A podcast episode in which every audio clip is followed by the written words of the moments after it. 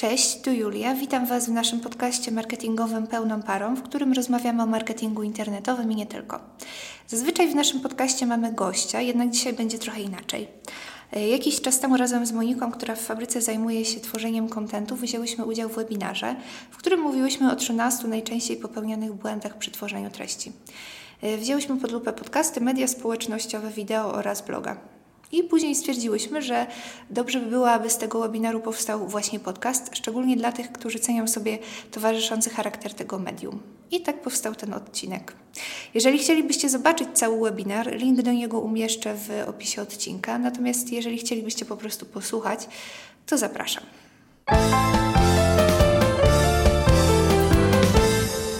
Cześć, ja zacznę. Dzisiaj będziemy opowiadać o 13 błędach, które zabijają content. W związku z tym, że forma prezentacji jest taka, żeby każdy z niej wyniósł maksymalnie dużo, skupiamy się raczej na ogólnikach nie wchodzimy w drobne szczegóły poszczególnych zagadnień. I zacznę od przedstawienia nas. Jesteśmy specjalistkami i Julia jest specjalistą do spraw PR i marketingu w fabryce marketingu w domu mediowym oraz zajmuje się PR i marketingiem w Tears of Joy. Ja jestem specjalistą do spraw kontentu w fabryce marketingu więc obie zajmujemy się rzeczami związanymi z treściami, chociaż troszeczkę e, na innych aspektach się skupiamy i trochę w innych działaniach się specjalizujemy. Ale obie kochamy Środę Dzień Bloga, jesteśmy bardzo aktywnymi fankami od czasów zamierzchłych. Pozdrawiamy wszystkie osoby, które gdzieś tam się z nami mijały i na Google Campusie, i na letniej środzie. Dlatego jest nam niezwykle miło, że możemy dzisiaj wystąpić tutaj w roli prelegentek i podzielić się z Wami naszym doświadczeniem. Prawda, unikamy klasycznej agendy i starałyśmy się uniknąć tutaj takiego marketingowego spisu treści, który zawsze wrzucamy na początek naszej prezentacji. No, ale żeby z tradycji stało się zadość, um, uporządkujmy parę rzeczy. Przede wszystkim będziemy skupiały się właśnie na tych błędach i wymienieniu, które są najpopularniejsze. Przeanalizujemy także metody zapobiegania im i rozwiązania, które mogą pozwolić Wam uniknąć popełniania szczególnie tych takich najbardziej kardynalnych błędów. No i skupimy się na tym, co jest najważniejsze i na co zwrócić największą uwagę podczas tworzenia treści i mamy nadzieję, że to będzie właśnie najbardziej dla Was wartościową informacją. I w tym momencie oddaję już głos e, Julce. Cześć, ja już się nie będę po raz trzeci przedstawiać. Bardzo mi miło, że dołączyliście i że będziecie dzisiaj z nami przez te kilkanaście minut, w których będziemy właśnie sobie o tych treściach opowiadać. Jeszcze tylko wspomnę, że my będziemy opierać się na własnych błędach, na treściach, które my tworzymy, w związku z czym to są e, takie podstawy, ale nie mniej ważne, warto o tym pamiętać, więc jeżeli dopiero zaczynacie mierzyć się właśnie z tworzeniem treści, czy to na media społecznościowe, czy to, e, czy to na stronę, to to na pewno warto z nami zostać. Jeśli chodzi w ogóle o media społecznościowe, to to jest bardzo szeroka kategoria, dlatego my nie będziemy omawiać wszystkich mediów szczegółowo, ani y, też nie będziemy skupiać się na właśnie na każdym z osobna. Wybrałam cztery, dlatego że na tych po prostu znam się najlepiej, z tymi pracuję na co dzień i te są też dla nas jako dla agencji najważniejsze. To jest y, Facebook, Instagram, Twitter i LinkedIn. W inny sposób komunikujemy się na każdym z tych mediów. Ja to teraz w skrócie powiem, ponieważ to się przyda na dalszych etapach mojej prezentacji tego, o czym chciałabym Wam opowiedzieć. Czyli tutaj mamy LinkedIna, na którym komunikacja jest przede wszystkim bardzo biznesowa, Twittera, gdzie w zasadzie mówimy takimi skrótami informacyjnymi, Instagrama, który jest medium bardzo wizualnym, tam rządzi przede wszystkim content, czy to treść wizualna, i Facebooka, który, którym, aby przyciągnąć do siebie użytkownika, trzeba po prostu umiejętnie tworzyć story. Ale przejdźmy do y, rzeczy naszych ulubionych, czyli do błędów. Pierwszym takim błędem jest niezręczne tworzenie treści. Co można zrobić tworząc treść? No źle można zrobić naprawdę wszystko, ponieważ treści są takim materiałem bardzo delikatnym. To znaczy błędy, które popełniamy, na pewno zostaną bardzo szybko wyłapane i bardzo szybko y, nam wytknięte. Y, dlatego na przykład, jeżeli chcesz wywołać kontrowersję, rób to świadomie. To jest takie nawiązanie do naszego posta, który pojawił się na fabryce, bo tak jak mówiłam, będziemy mówić, e, mówi, mówić o sobie. E, kiedyś wrzuciliśmy post o tym, że dołączyły do, do naszego zespołu cztery dziewczyny, no i tam chcieliśmy jakoś to ograć treścią i bardzo niezręcznie zostało to napisane, bo napisaliśmy, przedstawiamy Wam młode specjalistki.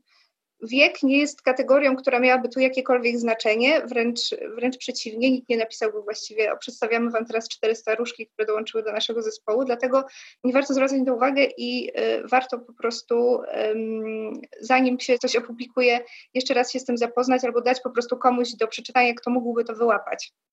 Kolejna rzecz, wiąże się też bardzo z pierwszą, czyli nie usuwaj negatywnych komentarzy.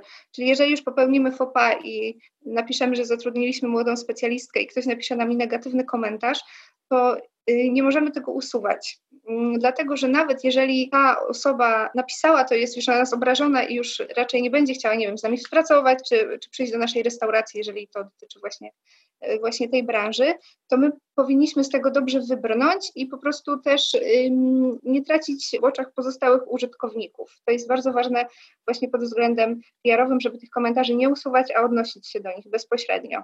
Czyli to samo jak w, w kwestii y, kontentu i treści. Dokładnie. Nie nadużywaj emotikon i hashtagów. Właśnie tutaj miałyśmy z Moniką taką testową prezentację i sobie rozmawiałyśmy o tym, że e, te testowe, te emotikony i hasztagi wyglądają, e, nie wiem czy pamiętacie, kiedyś był portal Fotka i tam pisano, w, jedno słowo było napisane z wielkich i z dużych liter i ja mam takie skojarzenie, że jak teraz widzę blok treści, który jest um, przeplatany mnóstwem emotikon i hashtagów, to mi się właśnie tak to kojarzy. Monika, jak ty nazwałeś, że to jest Pokémon?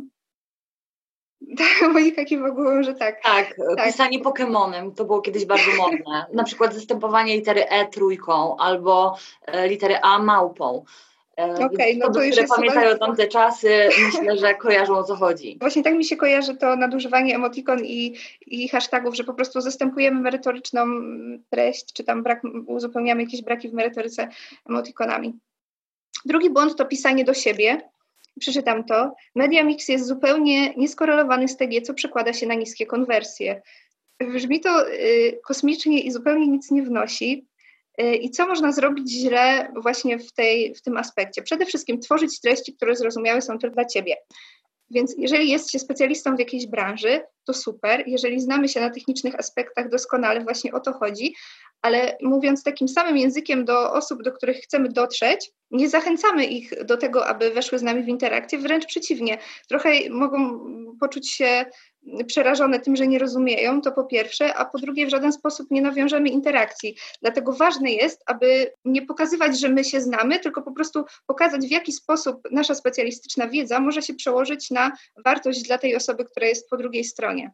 I tutaj też mamy taki post, który przeczytam. To jest post akurat z naszej grupy takiej dla SEO-owców, gdzie tam ludzie znają się po prostu na, na SEO czy budowaniu stron, więc te słowa nie brzmią jakoś bardzo obco dla nich, ale gdybyśmy na przykład zamieścili post na Facebooku, który brzmiałby w ostatnim czasie udało nam się wdrożyć sekcję fakt przy użyciu fragmentów rozszerzonych dla strony fabryka marketingu, obecnie sprawdzamy jak te wdrożenia przełożą się na wskaźnik CTR, to to jest kolejna rzecz, która nikomu nic nie mówi dalszy krok w pogrążaniu się, czyli co można zrobić źle, no to przede wszystkim być nieelastycznym, czyli bycie takim niezrozumiałym artystą, który uważa, że wszystko robi super i nie ma w sumie odzewu po drugiej stronie, ale nie widzi zupełnie w tym jakiegoś takiego problemu, przez co właściwie robi sobie problem właśnie w postaci tego, że nikt y, nie wchodzi z nim w interakcję, przez co się nie rozwija ani jego profil, ani on sam też y, w tym zakresie. Kolejna rzecz, co można zrobić źle, nie dostosowywać komunikatu do medium.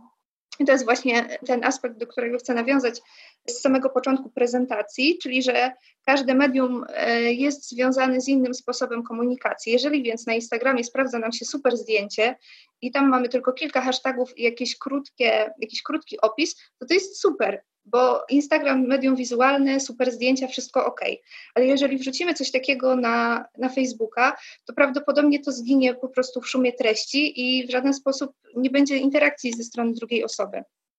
I błąd trzeci, miszmasz od mapy do sałatki z pączkiem. I to jest kolejne zdjęcie naszej galerii y, zdjęć z Facebooka, gdzie faktycznie jest i mapa, i pączek. Y, pod tym pączkiem, ta sałatka z pączkiem to jest ukryty pączek dla naszej koleżanki, która je tylko warzywa, ale nie słodyczy i myśleliśmy, że w ten sposób nam się uda, dlatego to zdjęcie tu jest, bo może się zastanawiać, dlaczego dodaliśmy sałatkę i pączka, ale dobra, już koniec tego wątku. I tutaj co można zrobić źle? Tworzyć treści niespójne graficznie i treściowo. Czyli jeżeli na przykład chcemy opublikować ważny biznesowo dla nas post na y, LinkedInie, ale opatrzymy go infantylną grafiką, to, to jest kolejna rzecz, która może zupełnie zniechęcić odbiorcę i też sprawić, że on straci po prostu do nas zaufanie, bo to nie będzie mu się spinać. Druga rzecz jest też taka, że w naszych mediach społecznościowych pokazujemy trochę siebie. Jest to naszą wizytówką i to, w jaki sposób ludzie będą nas odbierać, właśnie może zaważyć też na tym, a właściwie na pewno zaważy na tym, w jaki sposób będą o nas myśleć. No bo pierwszego wrażenia nie można zrobić Y, zrobić jeszcze raz. I tutaj też dodawać materiały słabej jakości. To jest w zasadzie gwóźdź do trumny, bo po pierwsze osoba, która będzie na to patrzeć, poczuje się zlekceważona, jeśli w ogóle to zobaczy i jeśli w ogóle ta treść tam gdzieś, gdzieś, gdzieś nam nie przepadnie. O, i tutaj dla y, przeciwwagi przykłady rzeczy, które wyszły. I to, jest, to są rzeczy z mediów społecznościowych Tears of Joy. Tutaj właśnie wymyśliliśmy sobie takie formaty jak memy, yy, składające się z emoji. Te emoji nawiązują do tego, co mamy na stronie. Nasza strona właśnie zasadza się na tych emotikonkach. I tutaj też mamy, jeżeli ktoś występuje gdzieś z naszego zespołu, to jego zdjęcie też jest w takiej ramce, żeby nie wrzucać pustego zdjęcia na naszego Facebooka. I tutaj też fabryka i ona też, tutaj też mamy taki kontent bardzo obrazkowy. Czyli jeszcze podsumowując dobre praktyki, dopasuj komunikat do medium, Uważnie dobieraj słowa, wybierz grupę docelową, czyli zwróć uwagę, do kogo chcesz mówić i dopasuj komunikat. Zainwestuj w grafika. Oczywiście, jeśli możesz, jeżeli na przykład bardzo wątpisz w swoje poczucie estetyki, a masz y, na to środki, to współpraca z grafikiem jest super, bo jeżeli grafik jest dobry, to na podstawie tego, y, co mu opowiesz, czego oczekujesz, jakiej komunikacji chcesz, on zaproponuje rozwiązania, które pomogą ci poprowadzić komunikację. I błędy podcastowe błędy podcastowe, techniczno-ludzkie aspekty medium. Co można zrobić źle? Nagrywać w słabej jakości. Tak, to jest podstawowy błąd, bo właściwie podcaście mamy tylko dźwięk, więc to jest rzecz, na której powinniśmy się skupić najbardziej na świecie, bo nawet jeżeli mamy super rozmówcę i on będzie miał doskonałe rzeczy do powiedzenia, a osoba, która słucha podcastu y, nie będzie go słyszeć albo po 30 sekundach będą ją bolały uszy, to ona nas wyłączy i do nas nigdy nie wróci, już nam nie zaufa. E, nie obrabiać materiału. To jest kolejny błąd, który możemy zrobić. Jeżeli sobie nagramy podcast, to bardzo dobrze jest później wrócić do tego, co nagraliśmy, co mamy, wyciąć wszystkie y, e, i, które na pewno ja przez, teraz też cały czas robię i po prostu jeszcze raz to przesłuchać i pociąć. Nie ćwiczyć. E, jeżeli chcemy być w czymś dobrzy, musimy to praktykować, musimy ćwiczyć. Dlaczego? Dlatego, że po pierwsze nabieramy jakiejś takiej wprawy w pracy przy mikrofonie, bardzo dużo osób, które słyszą swój głos po raz pierwszy, po prostu nie chcą słyszeć go nigdy więcej. Jeżeli praktykujemy i dużo ćwiczymy, to też po prostu oswajamy się ze sobą, ze swoim głosem, z tym, w jaki sposób pracujemy. Dajemy sobie właśnie taką przestrzeń na nabranie pewności po prostu, którą później y, w rozmowach widać.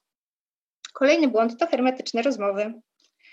I co można zrobić źle? Rozmawiać w sekwencji pytanie-odpowiedź. I tutaj kolejna rzecz, nawet jeżeli mamy super rozmówcę, my po prostu nie będziemy potrafili wyciągnąć tej esencji, to to, to będzie takie, no to nie będzie ciekawe po prostu, będzie nuda i ta rozmowa nie będzie miała takiego lekkiego flow, które które lubimy, kiedy słuchamy coś, co jest dobrze zrobione. I to też nawiązuje do tego, co powiedziałam wcześniej, czyli do tego, że trzeba praktykować, bo raczej rzadko kto potrafi po prostu przeprowadzić ad hoc bardzo merytoryczną rozmowę. Kolejna rzecz, którą można zrobić źle, to nie mieć scenariusza, zwłaszcza jeżeli jest się początkującym. To jest y, duży kłopot, dlatego że po pierwsze, y, jakby nie chodzi o to, żeby się trzymać scenariusza jeden do jeden, bo właśnie to y, prowadzi do tego, że mamy taką sekwencję pytanie-odpowiedź, ale jeżeli na przykład utkniemy w martwym punkcie, to ten scenariusz pozwoli nam tę rozmowę wyprowadzić, ale też wytycza tor, którym, którym ta rozmowa ma iść. Nie sprawdzać statystyk. To jest bardzo ważne. Sprawdzanie statystyk jest bardzo ważne, dlatego że pozwala nam kontrolować swój rozwój. Obecnie Spotify, iTunes, SoundCloud czy YouTube mają bardzo dobre narzędzia do monitorowania statystyk, z których możemy wywnioskować po pierwsze, kto nas słucha, w jakim wieku jest ta osoba, kiedy nas słucha najczęściej i jaki podcast, czy który odcinek jest najbardziej atrakcyjny i na przykład na tej podstawie możemy mm, wyciągnąć wnioski, dlaczego odcinek X miał 80% więcej obejrzeń. Przeanalizować ten odcinek i zobaczyć, co tam było takiego atrakcyjnego. I mój ulubiony błąd szósty, zacznę jutro, lenistwo i brak dyscypliny. I tutaj co można zrobić źle? Po pierwsze, nieregularnie publikować. I to jest rzecz, która nam się przytrafiła. My też próbowaliśmy robić podcasty, to nie były jakieś super zasięgi, dlatego że to jest komunikacja B2B, czyli mówimy do innych firm marketingowych, ale co ciekawe, ostatni podcast opublikowaliśmy chyba w lutym, w połowie lutego. Kolejny mieliśmy zaplanowany na marzec, ale wtedy już y, pracowaliśmy z domu. I teraz okazało się y, w statystykach, zarówno tutaj y, w SoundCloudzie, jak i tutaj w statystyce ze Spotify, że w maju nikt już o nas nie pamięta. Dokładnie. Co można zrobić źle? Nie stworzyć formatu. Mm, format to jest taka rzecz, która odróżnia nasz podcast od innych, czyli na przykład jak Okuniewska w Idiotkach ma ten fragment, kiedy cytuje piosenkę, albo jak E, Radek Kotarski w, w Polimatach miał motyw z zagadką, którą rozwiązuje na końcu odcinka. To jest rzecz, która po prostu odróżnia nas od innych i która jest ciekawa i sprawia, że na przykład y, ludzie chcą słuchać akurat nas.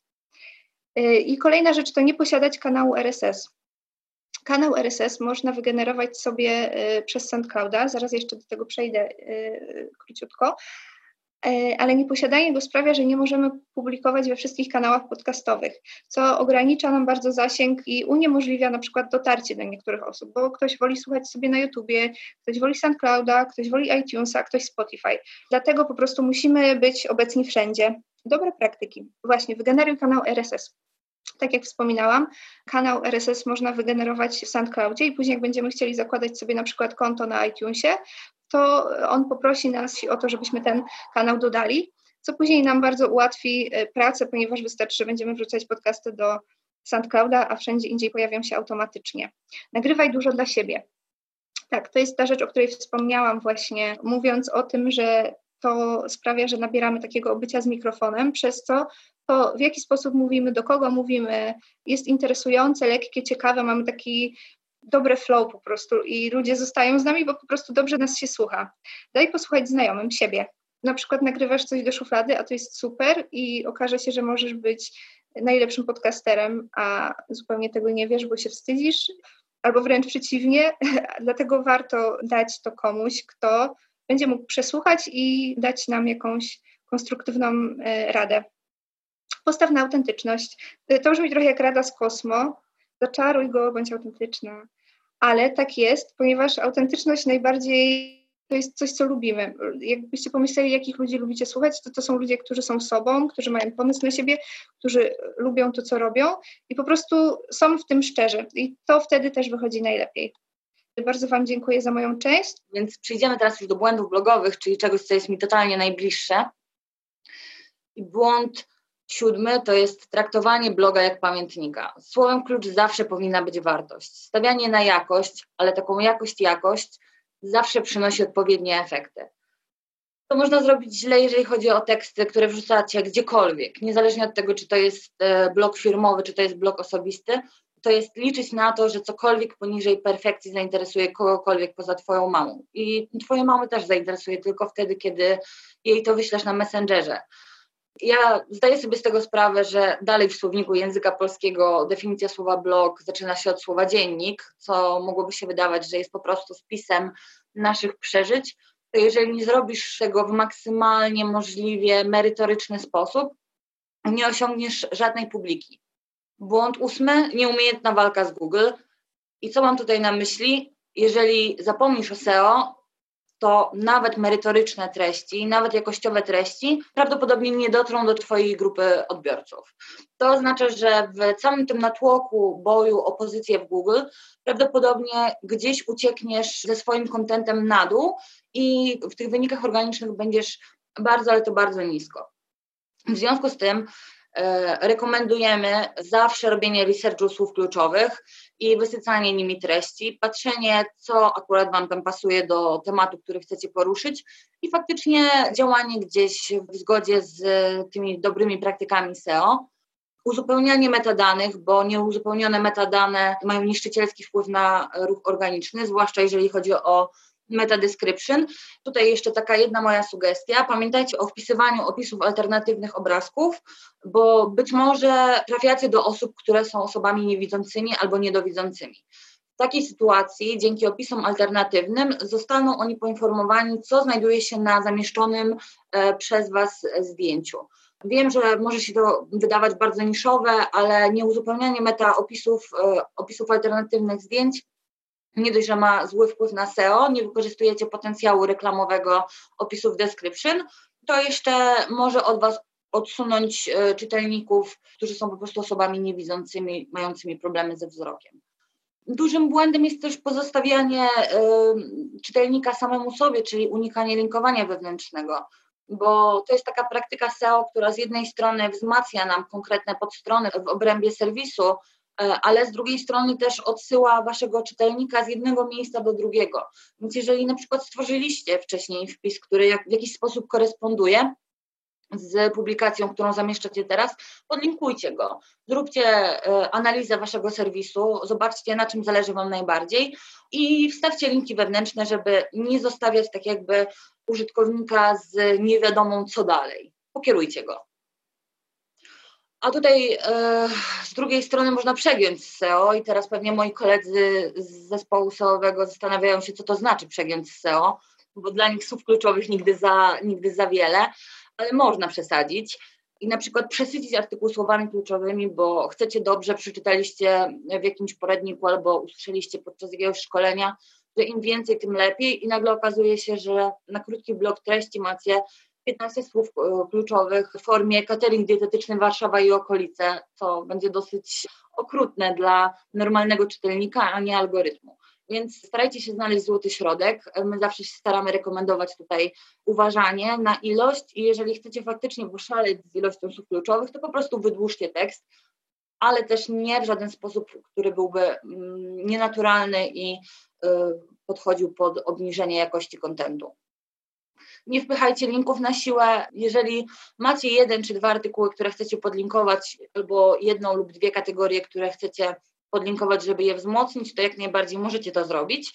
Ale jeżeli mielibyście zrobić 15 linków wewnętrznych w obrębie jednego artykułu, które odsyłają między jednym a drugim a trzecim, no to nie. Być może pod SEO będzie miało to, y, będzie miało to jakiś wpływ na wyniki organiczne i pozycje y, konkretnych podstron w Google, ale no problem pojawia się z tym naszym użytkownikiem końcowym. No, cały czas musimy mieć na myśli to, że tworzymy dla człowieka, a nie dla algorytmów. Pisanie tekstów byle dłuższe trochę łączy się z tym, co powiedziałam przed chwilą odnośnie przesycenia słowami kluczowymi. Mówi się, że tekst powinien mieć minimum 3000 znaków ze spacjami. Po sformatowaniu to jest około 1,5 kartki A4 w Wordzie ale jeżeli czujecie, że wasz tekst to jest tak na dobrą sprawę krótka notka, bo chcecie tylko zamieścić kilka ładnych zdjęć i je opisać, nie piszcie tekstów, żeby były tylko możliwe jak najdłuższe, żeby faktycznie gdzieś tam rankowały. Dobry content broni się sam, z delikatną pomocą SEO można, można osiągnąć super efekty, więc nie przedłużajcie ich na siłę. I to jest też bardzo ważna uwaga. E, Według SEO im częściej, tym lepiej, według użytkowników im lepiej, tym lepiej. I tutaj nie można iść na ustępstwa pod tytułem zrobię 15 tekstów w jednym cyklu, byle tylko pojawiały się co drugi dzień albo codziennie. Nie, zróbcie jeden bardziej merytoryczny albo skróćcie cykl. Jednak mimo wszystko unikajcie pisania byle pisania, żeby zachować y, tą ciągłość i częstotliwość. Ona jest ważna, ale ważniejsza jest tutaj jakość, jeżeli chodzi o o treści. Jeżeli jesteście w stanie wyprodukować 15 tekstów miesięcznie, które są super, są poprawne językowo, są świetnie sformatowane, merytoryczne, no to gratuluję, jesteście na super drodze bycia najlepszym blogerem świata, ale jeżeli nie potraficie tego zrobić, no to publikujcie rzadziej, e, ale lepiej. Błąd dziewiąty, blok treści. To jest w ogóle screenshot tekstu, który nie istnieje. Specjalnie zmodyfikowałam treść na naszej stronie, żeby pokazać Wam, o co mi tak dokładnie chodzi. Jest to blok treści. Tutaj nie ma ani wstępu, ani żadnych akapitów, ani żadnych śródtytułów. Mamy tutaj jeden wielki ciąg. Wiem, że ten screen jest troszeczkę nieczytelny, ale tak samo nieczytelne są Wasze treści, jeżeli są opublikowane właśnie w takiej formie. Czyli nie wiadomo tak na dobrą sprawę, co się na nich dzieje. I choć wychodzimy z założenia, że czytelnicy e, rozumieją to, co do nich piszemy, pamiętajcie o tym, że tak sformatowana treść jest na dobrą sprawę aczytalna i wiele osób nawet nie podejmie wyzwania przeklikiwania się przez Waszą stronę, jeżeli zobaczy, że taki jest właśnie Wasz model pisania. Bo trzema czy koszmarami czytelnika jest brak lidu, czyli wstępu, Brak nagłówków, czyli tych wśród tych tytułów, które najbardziej skupiają na, na sobie uwagę i są gdzieś najciekawsze, często bardzo kreatywne, albo po prostu tytułują nam dany akapit, przez co użytkownik dostaje od nas odpowiedź, co znajdzie w danym akapicie. I brak wypunktowań i strągów. Nie bójmy się boldować zdania, które gdzieś są według nas najważniejsze. Nie bójmy się dawać na górze spisów treści, na dole podsumowań, stosować wypunktowań. Sprawiajmy, żeby treść była jak najbardziej przyjemna w odbiorze i jak najbardziej atrakcyjna wizualnie. Urozmaicajmy ją, dzięki temu osiągniemy fajne efekty. Więc jeszcze raz, dobre, praktyki. Zastanów się, co dokładnie chcesz przekazać. Poczytaj o dobrych praktykach SEO, ale jeżeli nie czujesz do końca tego tematu, no to przed użyciem SEO skonsultuj się ze specjalistą, bo każdy błąd może być tutaj dosyć dramatyczny. Może się nawet skończyć karą od Google'a, jeżeli bardzo mocno y, przesadzicie, a tego byśmy nie chcieli. Zaoranie ruchu organicznego zawsze jest bardzo bolesne. Więc warto y, brać udział w szkoleniach, warto brać udział w webinarach, warto kontaktować się ze specjalistami, którzy bardzo często dzielą się ze swoją wiedzą na blogach e, firmowych albo prowadząc webinary. Szczególnie teraz mamy dużo fajnych webinarów, do których można sięgać, żeby dowiedzieć się więcej na temat dobrych, zdrowych praktyk w artykułach pod SEO.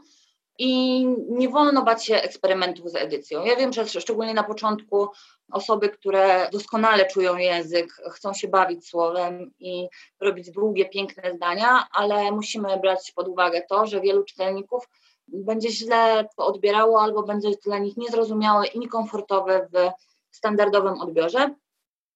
To, co ja rekomenduję, to jest wejście na przykład na Oneta i popatrzenie, jak oni piszą lidy, bo oni są królami lidów. To jest wejście na interview mi i popatrzenie, w jaki sposób oni stosują wypunktowania i H2, bo robią to świetnie. Szukanie inspiracji gdzieś u największych i najlepszych graczy kontentowych, jeżeli chodzi o artykuły na rynku, może e, sprawić, że tworzenie kontentu także dla Was będzie łatwiejsze i wygodniejsze. Blogerzy, którym wyszło. Wybór jest e, przypadkowy i nieprzypadkowy. Każda osoba jest tutaj z zupełnie innej branży. Segrita, Blog Ojciec i Jason Hunt, dawniej Kominek. To, co bym chciała zauważyć, to to, że to, że im wyszło, to jest z jednej strony zasługa tego, że działali trochę w innym internecie i budowali markę w czasach, kiedy my jej nie musieliśmy jeszcze budować, ale z drugiej strony łączy ich przede wszystkim to, że mieli bardzo ściśle określony cel, bardzo dobrej jakości treści i bardzo dobrze wpisywali się w konkretną niszę w sieci. Tak jak na przykład Kominek był pierwszym wieszczem polskiego szowinizmu, tak jak Segrita bardzo mocno pokazywała różne odmiany kobiecości, a blog Ojciec pokazał, że parenting jest także dla facetów, tak wszystkich ich łączy to, że robili jakość przez duże J i nie bali się tego. Nie bali się eksperymentować, piszą treści, które są e, często nawet pamiętnikowe, ale jednak mimo wszystko niosące wartość, z którymi ktoś może się utożsamiać. Więc jeżeli tworzycie bloga osobistego albo bloga firmowego, twórzcie wartość, to się zawsze będzie bronić. Błędy wideo. I jeżeli chodzi o błędy w wideo, to mi chodzi przede wszystkim o YouTube. Nie będę się zajmowała Twitchem. Część tych błędów będzie dosyć uniwersalna i będzie się odnosiła przede wszystkim do jakości, ale jeżeli chodzi o takie rzeczy społecznościowe, chodzi mi tylko i wyłącznie o YouTube. Błędem dziesiątym jest słaba jakość dźwięku i wideo. Tak jak Julka mówiła, w podcastach mamy tylko dźwięk, więc na tym dźwięku trzeba skupić się najbardziej na świecie. W, na YouTubie za to za, mamy zatrzęsienie y, treści audiowizualnych, dlatego nie chcemy dostać komentarza pod tytułem nagrane kalkulatorem, Chyba, że rozpowszechniamy popularne hity YouTube'a i mamy kanał zbierający najbardziej pikantne wycinki polskiego internetu, no to wtedy tak, faktycznie można postawić na Pawła Jumpera w, w tej słabej jakości, ale jeżeli nie i tworzymy swój autorski kontent, no to musimy postawić na jakość, inaczej nie jesteśmy w stanie przebić się na tle tak wielu doskonałych audiowizualnie treści. Co można zrobić źle? No można na przykład zapomnieć, że HD to standard. W dzisiejszych czasach każdy z nas praktycznie ma telefon, który jest w stanie nagrać lepszy, lepszej jakości wideo niż kamery 5 lat temu. W związku z tym możemy nagrywać telefonem jak najbardziej. Przyda się nam do tego statyw i ewentualnie lampy lub zatroszczenie się o dobre oświetlenie. E, nie, nie jest to żadnym grzechem, nie jest to żadną nowością. Wielu bardzo popularnych youtuberów cały czas e, nagrywa telefonami, więc jeżeli Twój telefon ma odpowiednie możliwości technologiczne, i jesteś w stanie nagrywać w HD, no to super. Jeżeli nie, no to poszukaj może trochę innego sprzętu. U nas jest też takie powiedzenie, nie rób jak cię nie stać i ono brzmi trochę okrutnie, ale e, w przypadku, w przypadku wideo faktycznie, jeżeli nie jesteś w stanie zrobić tego w najlepszy możliwy sposób, to może lepiej odpuścić i odłożyć jakoś w czasie.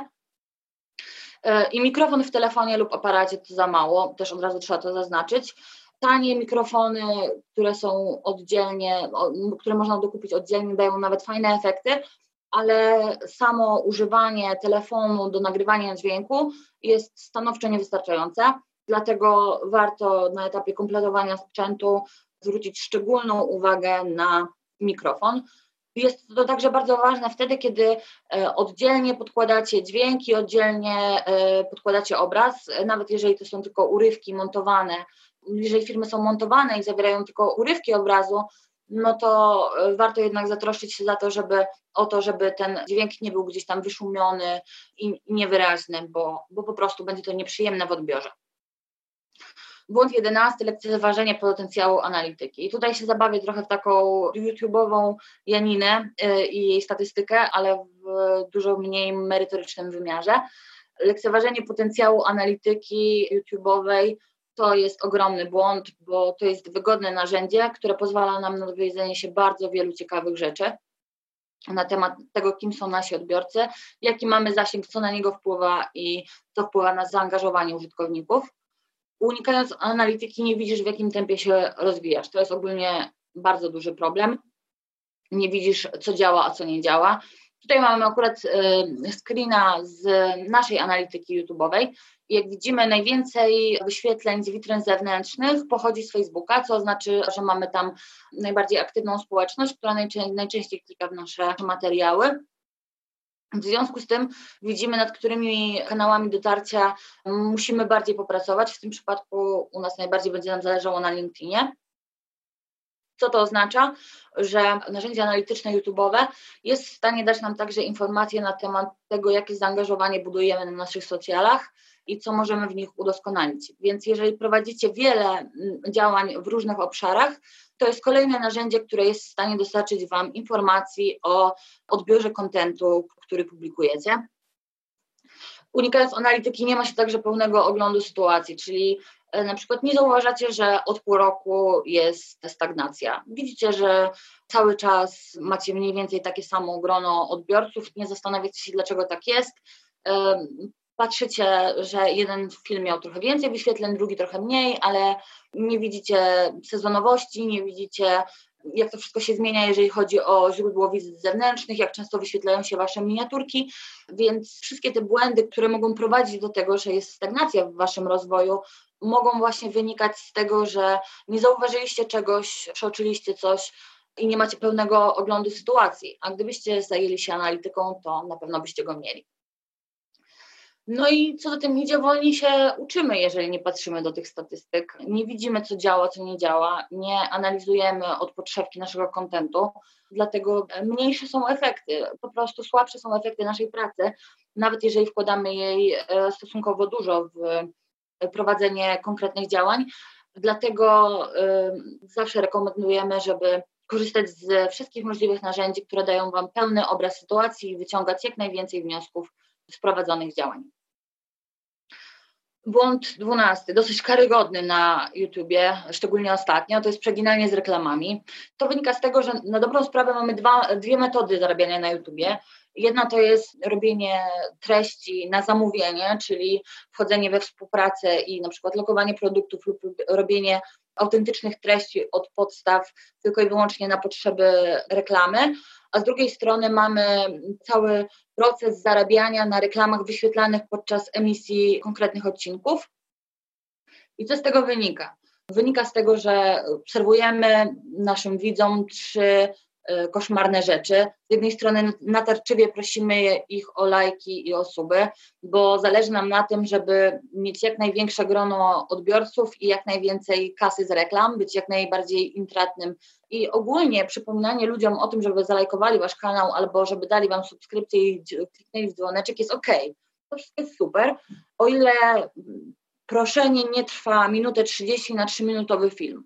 Wtedy zaczyna się robić duża dysproporcja. Warto to różnicować i na przykład prowadzić inne działania, które mogą zachęcić e, użytkowników do interakcji, na przykład odpisywać w komentarzach lub e, e, lub stosować call to action na etapie tworzenia treści. Wielokrotne wspominanie o patronajcie także nie jest mile widziane, ze względu na to, że wiadomo, Wsparcie patronów jest super i e, ja osobiście też bardzo chętnie zostaję patronem kanałów, które są dla mnie ważne, inicjatyw, które gdzieś tam mnie poruszają, ale to nie oznacza, że chcę być do tego zachęcana albo tym szantażowana w każdym możliwym filmie.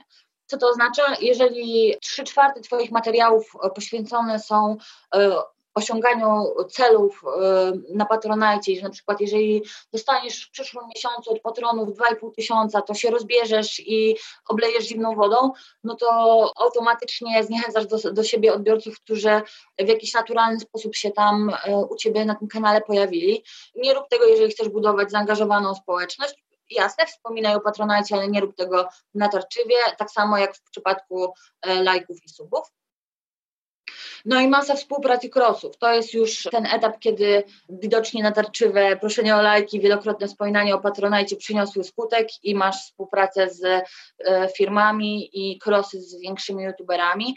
I tutaj też warto zaznaczyć, że im więcej współprac, tym bardziej stajesz się chodzącym banerem reklamowym. Im więcej crossów, tym mniej autentycznego ciebie na Twoim kanale.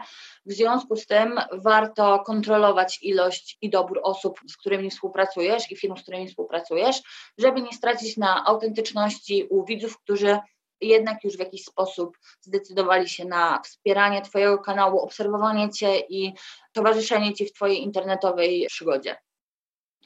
Dobre praktyki, już tak podsumowując, zadbaj o odpowiedni sprzęt i montaż, naucz się analizować informacje z narzędzi. Rekomendujemy nauczenie się chociaż podstawowych funkcjonalności narzędzi YouTube'owych, e, narzędzia YouTube'a i, i analityki. Warto się tym interesować, bo to naprawdę jest bardzo cenne źródło informacji, wręcz niezastąpione. I nie decyduj się na każdą możliwą współpracę. Staraj się zbudować naturalną relację z odbiorcą, jeżeli już się jakiś pojawi i docenić go, a na pewno to zaowocuje w przyszłości, zwłaszcza jeżeli kontent, e, który dostarczasz, będzie naprawdę niesamowitej jakości. YouTuberzy, którym wyszło, też zaczęli już kilka ładnych lat temu. Mamy tutaj Krzysia Gonciarza, Abstra i Red Lipstick Monster. I przykłady są tutaj nieprzypadkowe. Abstra to jest przykład doskonałej analizy rynkowej. To, co oni robią, to jest e, tworzenie formatów różnych u siebie na kanale, patrzenie, w jaki sposób są one odbierane i wracanie do tych, które są najbardziej intratne lub kontynuowanie ich, co z jednej strony pokazuje znaczenie formatu jako takiego, ale z drugiej strony pokazuje też, jak skuteczna analiza danych jest w stanie przyczyniać się do reagowania na potrzeby odbiorców. Krzysiek Gąciarz znowu jest mistrzem vlogów i mistrzem jakościowego kontentu pod względem wizualnym. Jakość dźwięku i jakość obrazu jest na tak wysokim poziomie, że wiele osób ogląda jego filmy tylko i wyłącznie po to, żeby cieszyć się pięknymi widokami. A jeżeli chodzi o Ewę z Lipstick Monster, to tutaj mamy przykład doskonale budowanej społeczności. Tutaj nie ma proszenia o lajki, nie ma proszenia o suby, nie ma żebrania w żaden sposób, nie ma natarczywości. To, co mamy tutaj, to jest interakcja, szacunek do widza, nie wchodzenie w współpracę na masową skalę, tworzenie własnych, unikalnych formatów, rzetelnych recenzji, co procentuje później e, wsparciem osób zainteresowanych jej kontentem i budowaniem wraz z nią jej marki. No i błąd trzynasty, no, król wszystkich błędów i wszystkie inne błędy nawet mogą występować gdzieś e, pojedynczo, jeżeli ten jeden błąd zostanie, e, zostanie wyeliminowany. Chodzi tutaj o to, że jeżeli tworzysz treści dla swojej mamy i musisz jej, jej wysyłać, żeby w ogóle chciała je oglądać, a nie dla swojego odbiorcy, to odbijesz się od ściany. Niezależnie od tego, co robisz. Czy publikujesz posty w social media, czy budujesz bloga, czy zajmujesz się kontentem wideo, czy zajmujesz się podcastami. Jeżeli to nie jest e, nastawione na odbiorcę i na Twój kontakt z odbiorcą, tylko na, na nie wiadomo co, to, to się po prostu nie uda. To się nie sprzeda. Dlatego ustal, do kogo chcesz dotrzeć. Twój odbiorca jest na początku, powinien być w centrum Twoich zainteresowań, ustalenie, do kogo dokładnie mówisz, z kim chcesz się utożsamiać, kim chcesz, żeby byli Twoi widzowie, pozwoli Ci na dopasowanie odpowiedniego komunikatu lub próbę dopasowania odpowiedniego komunikatu do danej grupy odbiorczej. A jeżeli już masz jakąś grupę odbiorców, to przeanalizuj, do kogo trafiasz, bo być może e, grupa e, odbiorców nie jest tożsama z swoją grupą docelową i okazuje się, że oglądają Cię 15-latkowie, a chcesz, żeby oglądali 30. Mm, czy jest coś w tym złego? No nie, po prostu widocznie Twój kontent jest bardziej przyjazny dla innej grupy odbiorców lub ciekawszy dla innej grupy odbiorców. W takiej sytuacji albo popraw komunikat, by grupa docelowa i odbiorców były ze sobą spójne, albo zostaw tak jak jest i zmodyfikuj lekko content, żeby jednak był spójny z Twoimi oczekiwaniami, ale też jednak z grupą docelową i adekwatny do, do jej zainteresowań. A jaki będzie efekt tego wszystkiego, jeżeli wykluczysz wszystkie te błędy, plus włożysz maksymalnie dużo kreatywności i swoich pomysłów w tworzony przez Ciebie content? No będzie po prostu spektakularny. Dobra, z mojej strony to będzie wszystko w tym momencie. Dziękuję Wam serdecznie